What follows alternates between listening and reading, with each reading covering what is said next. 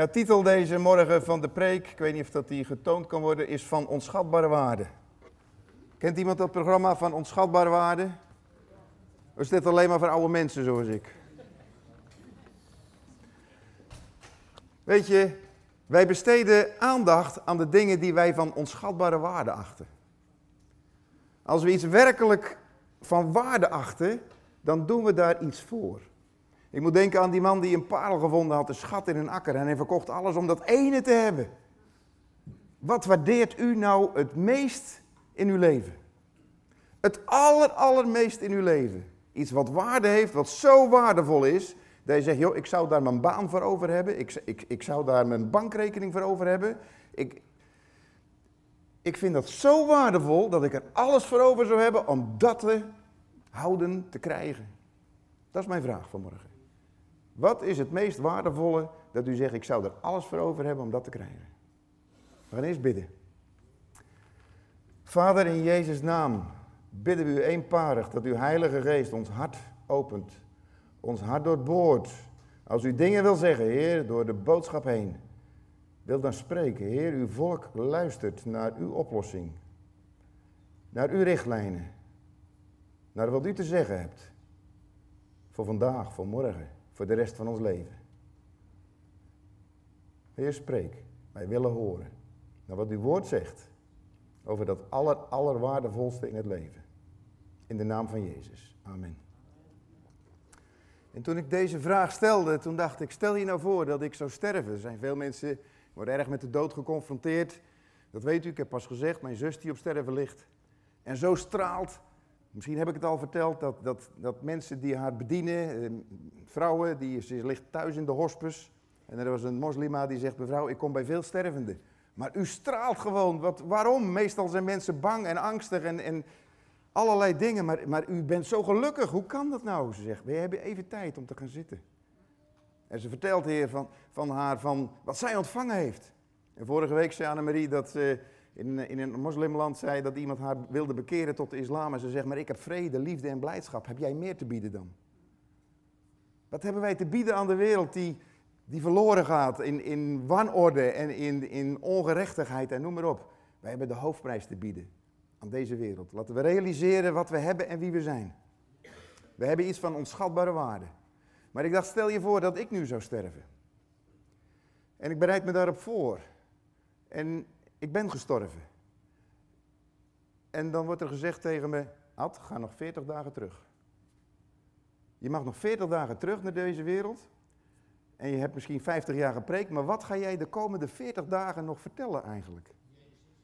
Wat ga je dan, als je nog tijd hebt, opnieuw, om 40 dagen te vertellen wat helemaal jouw, jouw meest kostbare schat van waarde is? En er was iemand die voor ons ging die was daar. En die kwam terug. En die ging 40 dagen over een onderwerp vertellen. Weet je wie dat was?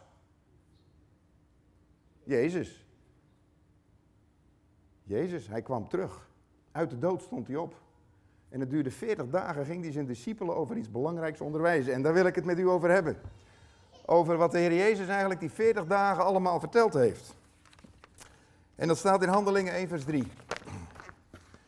Ik zal het u voorlezen, maar er staat ook op het scherm. Gedurende de 40 dagen na zijn kruisiging is hij van tijd tot tijd bij de apostelen geweest en bewees hun op allerlei manieren dat hij het echt zelf was. En telkens weer sprak hij met hen over het koninkrijk van God. Als er één rode lijn, ik heb pas verteld, er zijn wel een paar rode lijnen van uh, een vader met zijn, uh, met zijn kind, een bruid en een bruidegom.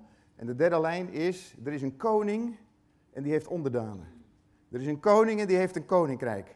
En de Heer Jezus die heeft dat ene beeld genomen, wat door de hele Bijbel heen gaat, vanuit het Oude Testament al naar het Nieuwe Testament. Willem Ouweneel komt daar donderdag over spreken. Wat is het koninkrijk in het Oude Testament? Want het is niet zomaar een verzinsel van de Heer Jezus, die 40 dagen. God heeft een plan van eeuwigheid tot eeuwigheid. En dat heeft allemaal te maken met een koning en een koninkrijk. En met onderdanen. Met volgelingen van de koning. Met mensen die zeggen, mijn koning is van onschatbare waarde. En alles wat ik heb en alles wie ik ben, dat is hij waard om te ontvangen. Mijn koning is van onschatbare waarde. En de Heer Jezus kwam over dat koninkrijk vertellen. Dus het koninkrijk van God is wel een heel belangrijk iets. En ik hoop ook tot december hier iedere keer weer een boodschap over te hebben. Wat betekent het nu om deel te zijn van dat koninkrijk of geen deel te zijn van dat koninkrijk? Je hebt ook het koninkrijk der Nederlanden. Eigenlijk heb je in de wereld twee koninkrijken. Het koninkrijk van God en het koninkrijk van zijn tegenstander. Of dat in Nederland of in Marokko woont, dat maakt niet uit. Het koninkrijk van God en het koninkrijk van de tegenstander van God. Twee koninkrijken. En wij hebben gedurende ons leven de kans om in dat koninkrijk van God in te komen, erbij te horen en eigenlijk ook uit te leven dat, dat we een koningskind zijn, dat wij die koning dienen. Want het is niet alleen maar iets van, uh, ja, ik, ik, uh, ik zit wel of niet in dat koninkrijk. Nee, als je bij dat koninkrijk hoort, betekent dat wat. Betekent dat wat. Kan ook betekenen dat je vervolging krijgt. Als je bij bepaalde koninkrijken in deze wereld hoort en je zegt van ik kom uit dat land, dan, gaan ze, dan ga je gelijk achter slot en grendel. Als er oproeren zijn en jij bent in een bepaald land en ze weten welke kleur paspoort jij hebt, ga je gelijk achter slot en grendel. En dat is nog, dan ben je nog gelukkig. Dus dat koninkrijk waar wij bij horen is wel heel belangrijk en heel bepalend. En in Lucas 8 vers 1 staat, en het geschiedde kort daarna dat hij, Jezus, van stad tot stad en van dorp tot dorp trok, verkondigende het evangelie van het koninkrijk gods en de twaalf met hem. Dus als Jezus door dat, dat land Israël ging, dan had hij een boodschap, ook toen al. Niet alleen die 40 dagen, maar toen Jezus nog leefde, bracht hij overal. Hij zegt, mensen, ik heb jullie te vertellen van een ander koninkrijk. En Pilatus die had het al in de gaten. Hij, hij zei ook boven dat bord, boven het kruis, de koning der Joden. Weet je nog wel? Dus Pilatus had wel gehoord dat hij zei, ik ben koning. Hij is koning. De vraag is, is Jezus jouw koning? En wij hebben een koning zonder macht, zonder gezag, misschien zelfs zonder respect. Wij hebben koningshuizen die eigenlijk niks meer te vertellen hebben. Wij zijn, wij zijn eh, wat is dat, eh, parlementaire democratieën. Wij regeren met z'n allen, toch? Wij hoeven niet op Den Haag af te geven. Hier 17 miljoen koningen zijn er in Nederland die weten hoe het moet in Den Haag. Ik moet wel eens denken aan die voetballers, arme jongens. Er zitten 40.000 mensen die weten hoe je moet voetballen en 22 moeten het doen. Maar die daar zitten weten het beter. Weten precies waar jij fout hebt gedaan. En zo is het in de politiek natuurlijk ook. Wij weten toch met z'n allen veel beter wat ze in Den Haag zo moeten doen. U niet? Hebben u geen commentaar dan op wat ze allemaal zeggen en niet doen? Wie heeft er hier geen commentaar op Den Haag? Lafaards. wij weten het allemaal beter. Wij hebben 48 politieke partijen, geloof ik, het kleinste landje ter wereld. Maar het liefst zouden wij 17 miljoen partijen hebben. Wees nou eerlijk, toch? Maar Jezus verkondigt het koninkrijk van God. Van God, dat ene koninkrijk. Johannes 3, vers 5. En Jezus antwoordde: Voorwaar, voorwaar, ik zeg u, tenzij iemand geboren wordt uit water en geest, kan hij het koninkrijk van God niet binnengaan. Een paar weken terug heb ik erover gesproken. Je moet opnieuw geboren worden. En ik sprak net uh, mijn broer die daar zit, dat is zijn zoon bij zich, 17 jaar. En het wonder is gebeurd. Je kan me niet blijer maken als dat je zoon in zijn hart krijgt. En we zijn bezig, de blaadjes deel ik uit. Het woord lezen, zodat je God hoort spreken. Bidden, zodat je zijn stem gaat horen. En zijn zoon hoort de stem van God. Hij is opnieuw geboren. Een groter geschenk kan je toch niet hebben als ouder dat je kind de stem van God gaat horen. Lieve mensen, ik ben een boekje aan het lezen, De Heilige Geest en Kinderen op de Zonderschool. Laten we alsjeblieft, boekje van Johan, je bent er ooit mee begonnen met de kinderkerk. Dat die kinderen bidden voor volwassenen, voor vervulling met de Heilige Geest, voor genezing. Het geloof van een kind vermag veel meer dan van die volwassenen zoals wij zijn. Die zitten niet te denken van, zal het wel lukken en moet me niet schamen en is theologisch wel verantwoord. Laten we kinderen bij de hand nemen en ze heel jong al confronteren met de inwoning van de Heilige Geest. Het koninkrijk van God. We moeten allemaal opnieuw geboren worden. Marcus 4, vers 26, daar staat, en hij zei, alzo is het koninkrijk gods, als een mens die zaad werpt in de aarde. En als u het verder wil lezen, lees u dat thuis, Marcus 4, vers 26, schrijf het op. Hoe werkt dat koninkrijk van God nou? Nou, het is als een boer die zaad zo strooit. Hup, misschien heb je het wel eens gezien. Tegenwoordig gaat het allemaal per zaadje en precies op afstand. Maar het beeld wat hier is, is die boer die in zijn zaadbuil reikt en hij strooit het over de akker heen. En die boer die gaat verder en hij bekommert zich niet eigenlijk over dat zaad, hoe dat, dat sterft en in de grond gaat en dat plantje eruit komt. Zo is ook het woord van God. U hoort het woord van God. Het dringt wel of niet in uw hart. Dat ligt eraan hoe hard de grond is van binnen. Of dat je die grond voorbereid hebt. Of dat je de stenen raapt.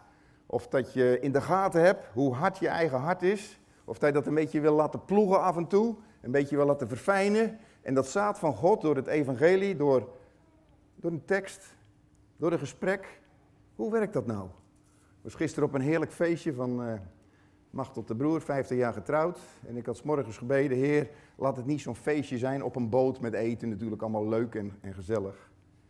Maar, maar laat ik nou een klein lichtje mogen zijn. Ik weet niet hoe. Ik weet niet hoe, maar ik doe wel van tevoren die twee boekjes, weet je wel, van die babytjes en, en zo'n Herman Boom boekje. Dit mag je niet midden in mijn kontzak. En ik denk er verder niet meer aan. En ik ben op die boot, ik sta boven op het dek, kom een jonge knul naar me toe. Nog langer dan ik. Hij zegt, dag meneer, waar kom u vandaan? Zeg, uh, van het eiland Tola. Hij zegt, oh, uh, ik kom uit Bergen op Zoom. Ik zeg, nou joh, dat is toch geweldig, vlakbij. En we krijgen een gesprek. Hij spreekt me aan. Ik ben een beetje laf misschien dat ik niet iedereen op die boot aanspreek van... Hé, hey, uh, kennen we Jezus al? Nee, maar hij spreekt mij aan. En we krijgen zo een gesprek en het blijkt dat hij een sport heeft en kickboksen. Ik zeg, oh, ik ken ook nog een kickbokser. Ik zeg, zijn leven is veranderd. Ja, hij zegt, is toch geloof gekomen? Ik zeg, heb jij daar ook wat mee? Nou, niet zoveel eigenlijk. En ik denk, oh ja, dat is waar. Ik heb die boekjes in mijn kontzak. Ik zeg, hier joh, als je er nou meer van wil weten, lees deze twee boekjes eens. En ik kom later thuis en dan denk ik, ja, hoe begon mijn dag vandaag? Eigenlijk om met lege handen naar God te gaan en te zeggen, Heer, alsjeblieft, wil u het doen? Wil u het doen? Want ik kan het niet. En, en ik ben niet zo moedig. Maar wil u het doen, Heer? En ik vond het eigenlijk, als ik terugkeek op die dag, dan, dan ben ik zo blij, hè? Dat Hij iemand naar me toestuurt. Dat Hij iemand de vragen laat stellen aan mij. Dus als je wil getuigen van die koning, begin je dag en dat begint ermee en zeg, Heer, hier ben ik. En misschien moeten we slim zijn om allemaal, je kent die boekjes, ze liggen hier gratis in de kerk. Misschien allemaal zo'n boekje in je kontzak of in je tas stoppen en dan zeggen, Heer, laat iemand mij aanspreken dat ik een klein lichtje mag zijn van u. Als je zelf de moed niet hebt om op iemand af te stappen en in één keer een praatje te beginnen, dan beginnen ze het wel met jou. Was mijn les van gisteren.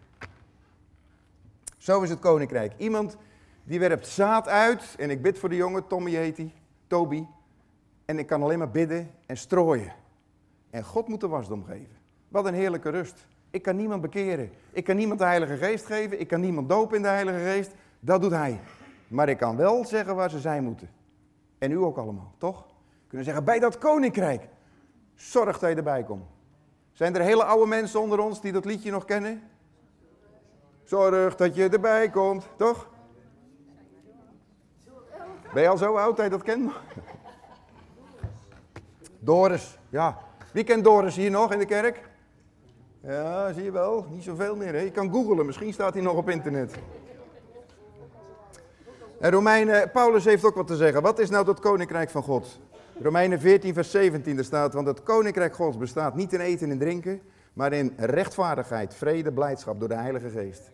Dat koninkrijk van God heeft andere dimensies. Dat gaat er niet om of dat je weer een auto hebt of een betere baan of nog meer op vakantie kan. En niet van, nou het gaat je nog beter. Kom in het koninkrijk joh en, en je krijgt een betere baan en iedereen gaat van je houden en het wordt nog beter. Nee, het koninkrijk van God bestaat in rechtvaardigheid, vrede, blijdschap door de Heilige Geest.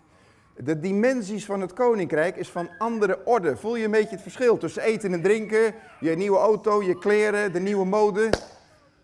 Of rechtvaardigheid, vrede en blijdschap door de Heilige Geest. Dat zijn andere dimensies. En de Bijbel die zegt ook, als jij nou bij dat koninkrijk hoort, welke dingen moeten wij dan bedenken? Bedenk de dingen die boven zijn. Hoe doe ik dat nou? Hoe ga ik nou bedenken de dingen die boven zijn? Help me eens. Gods woord te lezen. Daar staat in hoe het boven is. Na te denken over de wederkomst van Jezus. Na te denken over verloren zielen die God in ons leven allemaal brengt, onze buren.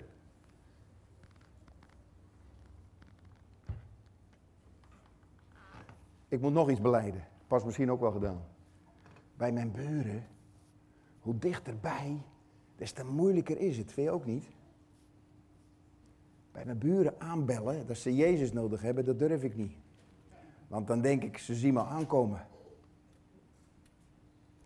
Maar bij mijn buren in donker stiekem dat briefje van Herman Boon door de, de, door de brievenbus doen, dat durf ik wel.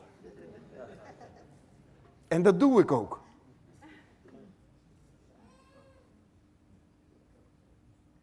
Ja, ik geef me wat ideeën waar ik moeite mee heb, maar ik doe het wel. Maar denk er maar eens over na. Bij je buren aankomen met een blaadje. Nee, dat doe ik niet. Ik doe het lekker door de bus. Want de zaaier die zaait dat woord. En het vindt zijn weg.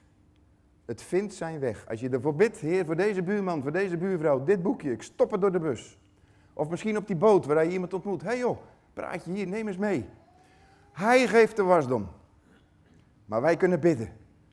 Vonden Marian en de familie van de Meijer is, is een voorbeeld ervan. Bidden, bidden, bidden, aandringen tot vervelend toe. Bijna worden ze de deur uitgekeken. Misschien ken dat wel in familie als je steeds met de evangelie komt. Op een gegeven moment ben je niet populair meer, toch? Heb je het al ervaren dat je niet populair bent in je familie? Niet populair. Maar we kunnen wel dat kleine doen en bidden, bidden, bidden, bidden. Dat kunnen we. Bidden voor de mensen die God op ons hart legt. En dat staat, God geeft dan die wasdom. Maar laten we bidden dat het koninkrijk komt. In Marcus 1 vers 15 zegt Jezus, hij zei de tijd is vervuld, het koninkrijk Gods is nabij gekomen. Bekeert u en gelooft het evangelie. Wat zijn nou de voorwaarden, ook voor u, ook voor mij, om in dat koninkrijk te komen en te leven als koningskind? Wat is een primaire voorwaarde? Staat hier. Bekeert u, wat is een ouderwets woord? Wat is nou bekeren? Wat is bekeren? Nou, misschien heeft het te maken met hoeveel tijd ik me keer naar. En nou ga ik weer iets beleiden. Hoeveel tijd besteed ik hieraan? In allerlei vormen, groot en klein. Heel praktisch, hè? Weet je, voor mij is opgevallen dat 20 minuten het Nationaal kijken makkelijker is dan 20 minuten op mijn stoel te gaan zitten met mijn ogen dicht en te wachten tot de Heer spreekt. Heb je dat ook wel eens of niet? Of ben ik de enige? 20 minuten journaal kijken, dat, hup, het is alweer voorbij. En dan 20 minuten wachten, wachten tot de Heilige Geest iets wil zeggen. Wait on the Lord, wacht op de Heer. God de schaar, houdt moed. Wachten, ik wil ook gaan leren wachten. U ook? In dat, uh, in dat uh, kopietje wat ik ronddeel, er staat een van de elementen in, is wachten. We hebben alles gedaan, we hebben gezongen, we hebben een preek gehoord, we hebben koffie gedronken, we hebben een lied gezongen, we hebben een tekst gelezen. En dan gaan we gauw naar huis en dan gaan we gauw dingen doen. Hebben u het ook zo druk? Nee, u hebt het niet druk, u doet veel, net als ik. Maar als we dat allemaal gedaan hebben, vanmorgen in dienst gaat, en dan vanmiddag gaan we 20 minuten thuis zitten, met de telefoon ernaast, met iedereen even een plakbandje op zijn mond, wilden ze van mij morgen ook al, iemand, iemand, iemand wilde dat. Ik niet hoor. Iemand zei dat. Iemand, ja, zei jij dat? Nee. Doe, iemand zei, doet er maar een plakbandje op zijn mond, zo'n, zo'n noemen ze dat? Dat grijze tape zo. Duct tape. Wie zei dat tegen mij, over mij vanmorgen?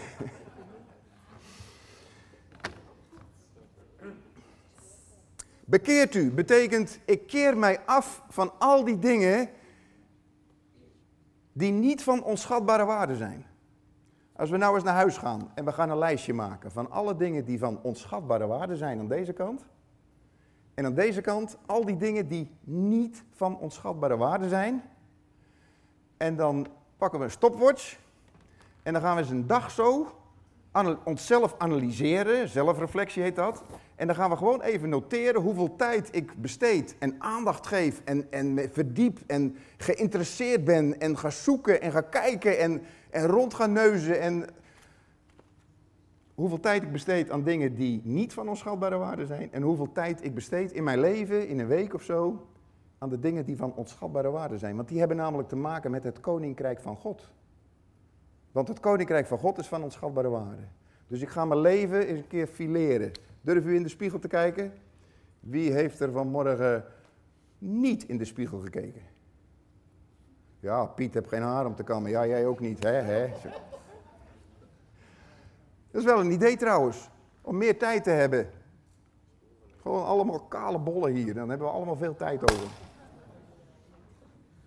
is wel een idee. Bekeert u. Maar de moraal van het verhaal is, waar besteed ik mijn tijd, mijn geld, mijn energie, mijn verdieping aan? Ik moet nog iets beleiden. Oh, wat moet ik beleiden deze morgen? Ik kan zomaar een uur op internet gaan kijken naar auto's. Ik vind auto's zo geweldig leuk. Koop er geen, maar ik vind kijken alleen maar leuk. En dan zeg ik, heer, hoe zit het nou toch met me? Ik kan makkelijk een uur auto's kijken, want dat is mijn hobby. Dat vind ik leuk, alleen maar kijken. Ik ben een Hollander, kijken, kijken, niet kopen, ken je dat?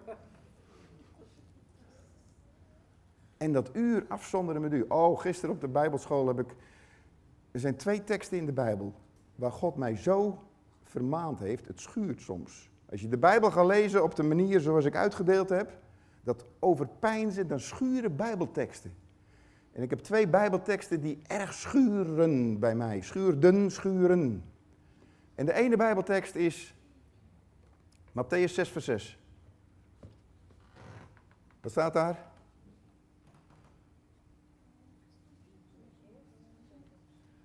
Matthäus 6, vers 6. Schrijf het op, leer het uit je hoofd. Maar gij, wanneer je bidt, ga in uw binnenkamer en doe de deur achter u dicht. En de Vader die in het verborgene ziet, zal het u in het openbaar vergelden. Hey, wat wij in het verborgene met God beleven, in je stille tijd, vragen om een wonder, vragen om spreken van God, gaat Hij in het openbaar, bovenop het dek van een boot, gaat Hij aan je geven. Dus eerst zoeken wij de stem van God te horen. Jezus ging vaak de stilte in. En Jezus deed niks, staat er in de Bijbel, tenzij dat hij de Vader had horen spreken. Dat wil ik leren, lieve broers en zussen, voor het eind van het jaar nog. Eigenlijk iedere keer wil ik, als ik wat tegen u zeg, eerst de stem van God gehoord hebben.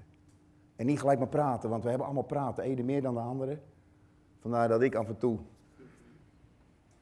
klap toe de mond moet hebben.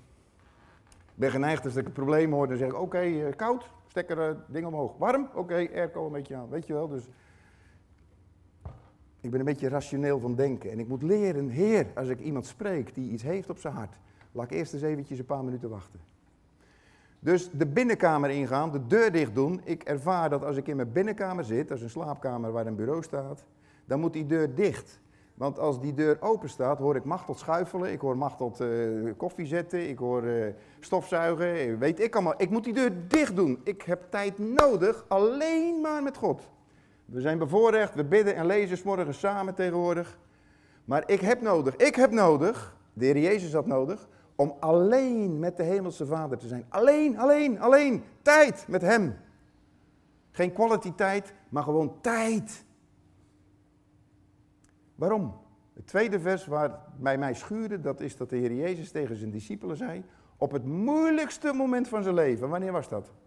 Toen die bloeddruppels zweten.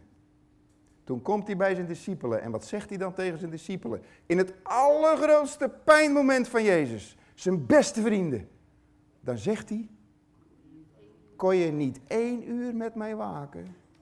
En dat vers schuurde ook, nog. Kan ik niet één uur een keer afzonderen? Van de 168 uur, één uur met mijn heiland, één uur apart zetten, misschien in de week, één uur. Ik hoop dat het ook een beetje bij u schuurt. Dat we zeggen, het meest onschatbare waarde is de relatie met mijn koning. En kan ik nog niet één uur af en toe afzonderen om zijn stem te horen, te zoeken? Ben ik al ongeduldig als die 20 minuten niks zegt? Heeft hij het recht niet om te zeggen, ik wacht gewoon nog even? Je zit nou 20 minuten op me te wachten, maar heb ik als schepper van hemel en aarde niet recht om jou, van jou dat uur te krijgen? En misschien spreek ik wel pas na 59 minuten. Is dat mijn recht niet, zegt God dan? Of moet ik een soort instant koffiepudding zijn van druk op de knop, nu sensei, oh God, hup, boem.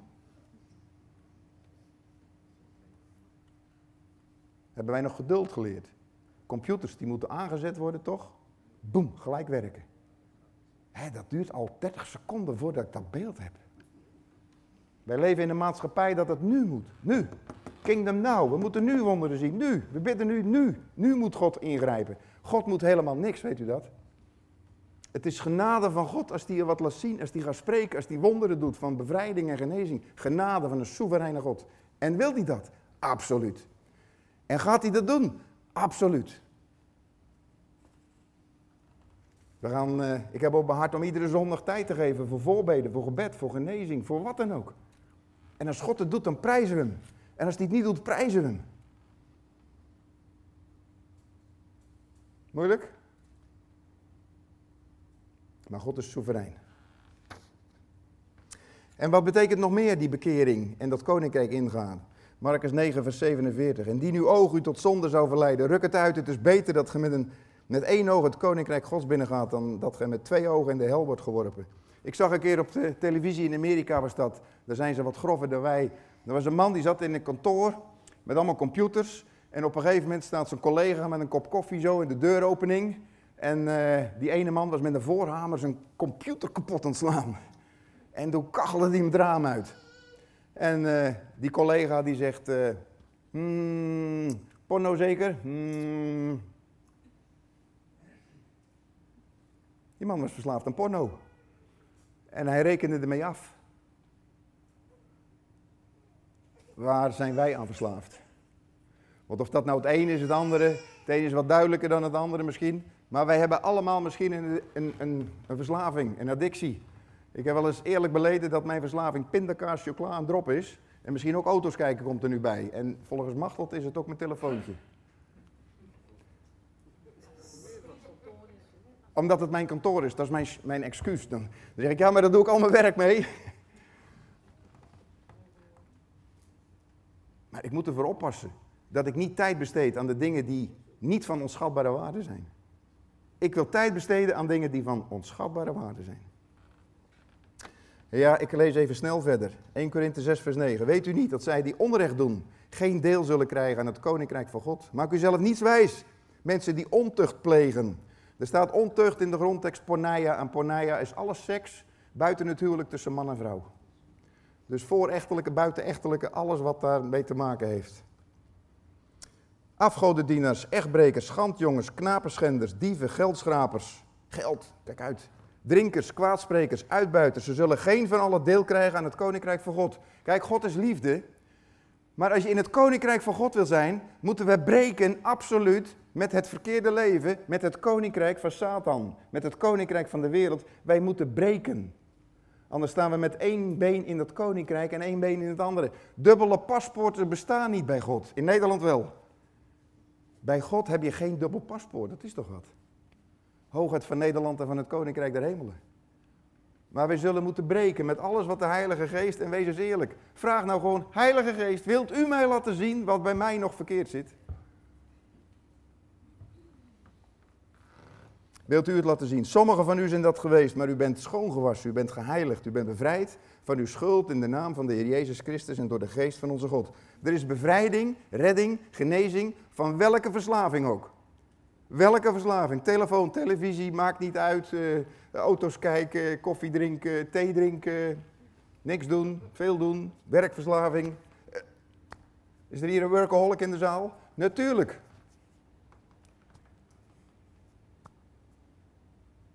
Ik ken er één. Hier. Maar ik heb me laten wassen. En ik weet dat we van iedere verslaving, al is het werk, al is het vakantie, al is het wat dan ook, schoongewassen kunnen worden door het bloed van het lam. Dat bloed is sterker. Matthäus 12, vers 28 zegt Jezus, maar indien ik door de geest de boze geesten uitdrijf, dan is het koninkrijk Gods over u gekomen. Freek die is een serie begonnen over demonie en bevrijding. En Marion die gaat er zelfs zijn cursus nog voor doen, hè? deur is geopend.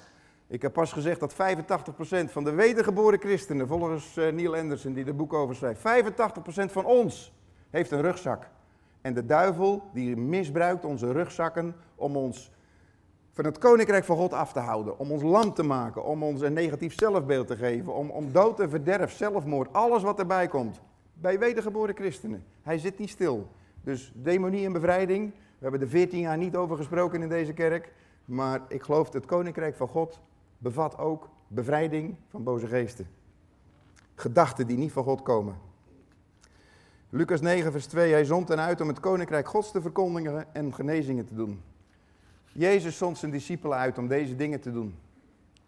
Het koninkrijk Gods te verkondigen en genezingen te doen. Lieve broers en zussen, als Jezus dit doet naar zijn kerk, dan doet hij dat nog steeds. En wij zijn allemaal geroepen, als je in dat koninkrijk van God komt, om een soldaat van Jezus Christus te zijn. Gewapend met de geestelijke wapenrusting, Efeze 6, u kent dat allemaal. Nou, wij zijn allemaal geroepen, niet alleen voorganger en oudste, Ieder kind van God is geroepen in dat koninkrijk om je koning te dienen. om de wapenrusting aan te trekken en uit te gaan in deze wereld en mensen deze dingen aan te bieden.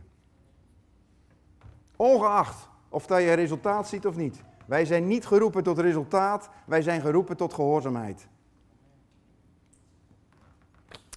En dan, uh, ja, Matthäus 10, vers 8. Dat is ook wel aardig. Genees zieken, wek doden op, reinig melaatse, drijf boze geesten uit. Om niet heb gij het ontvangen, geef het om niet. Op zondagavonden oefenen we deze dingen, want we zijn onvolmaakt. Onvolmaakt in ons bidden, onvolmaakt in ons genezen, onvolmaakt in ons bevrijden. Maar de zondagavonden, ik wil er onderwijs over gaan geven, ook op zondagavond, iedere keer een klein beetje. Maar hier zijn we wel toe geroepen. En dan kan je zeggen, ja, maar ik heb al honderd keer gebeden en er gebeurt nooit wat. Nee, dan bidden we honderd in één keer. Zolang God niet zegt stop, blijven we toch bidden. Ook voor bekering van ongelovigen. Als Von eerder wat gestopt in de familie om te bidden voor dit meisje, voor die jonge vrouw. Omdat het al zo vaak gebeurd was. Ik bid al 50 jaar voor iemand. En ik lees ook getuigenissen van mensen die voor mij geleefd hebben. Die hebben heel hun leven gebeden voor de bekering van iemand. Terwijl ze nooit in leven de bekering gezien hebben. Maar op hun begrafenis kwam die persoon tot bekering. Ik hoop dat mijn begrafenis vrucht zal dragen voor anderen voor de eeuwigheid. Dan heeft mijn leven en mijn sterven tot eer van hem, geweest. Voor wat het allerbelangrijkste is in het leven. Van onschatbare waarde is. En het laatste vers wat ik wil lezen met u. Zijn Heer zij tot hem wel gedaan, gij goede en getrouwe slaaf. Over weinig zijt ge getrouw geweest, over veel zal ik u stellen. Ga in tot het feest van uw Heer. En de vraag van morgen is, willen wij in dat feest van de Heer ingaan? Dat is vraag 1. Wil u dat? Vindt u dat feest van uw Heer van onschatbare waarde om daar naartoe te gaan? Dan is de tweede vraag, ben u dan ook bereid om de prijs te betalen? Om dat van onschatbare waarde te achten. Ten opzichte van al die andere dingen die op ons weggebracht worden, van verzoeking, verleiding, tijd, onzin, nutteloosheid. Wat is van onschatbare waarde? Het koninkrijk van God. Amen. Zullen we bidden? Vader in de hemel, Heer Jezus Christus, we danken u, Heer, dat u onze koning wil zijn. Dat u ons aanneemt. Heer Machtels zei vorige week dat het bloed aan de deurpost voldoende was. Het ging er niet over wie erachter schuilde. Het ging erover dat we geloven in het bloed aan de deurpost. En u verzoenend sterven aan het kruis van Golgotha. We willen daarachter schuilen, heren. En u kijkt niet wie we zijn en wat we gedaan hebben. U vergeeft. U neemt ons aan als uw koningskinderen. Heer, we willen ons ook gedragen als koningskinderen. We willen ook wandelen, wandelen op deze aarde als koningskinderen. En de boodschap van uw koninkrijk uitdragen. Heer, vervul ons dan met uw heilige geest. Doop ons. U bent de doper, Heer Jezus Christus. U bent de doper. U kunt ons gedachten geven. U kunt ons gevoelens geven. U kunt ons verlangens geven naar dat koninkrijk om daarin te wandelen. We bidden eenparig, Heer, als we, als we zo in de wereld opgaan en de zorgen van de wereld en de noden van de wereld en de noden van onszelf en de noden van ons gezin, dat we misschien vergeten hoe belangrijk uw koninkrijk is. Heer, uw koninkrijk bestaat uit gerechtigheid, vrede, blijdschap, zachtmoedigheid, zelfbeheersing. Heer, we willen deel zijn van uw koninkrijk. Heer, we willen u van onschatbare waarde maken in ons leven. In Jezus' naam. Amen.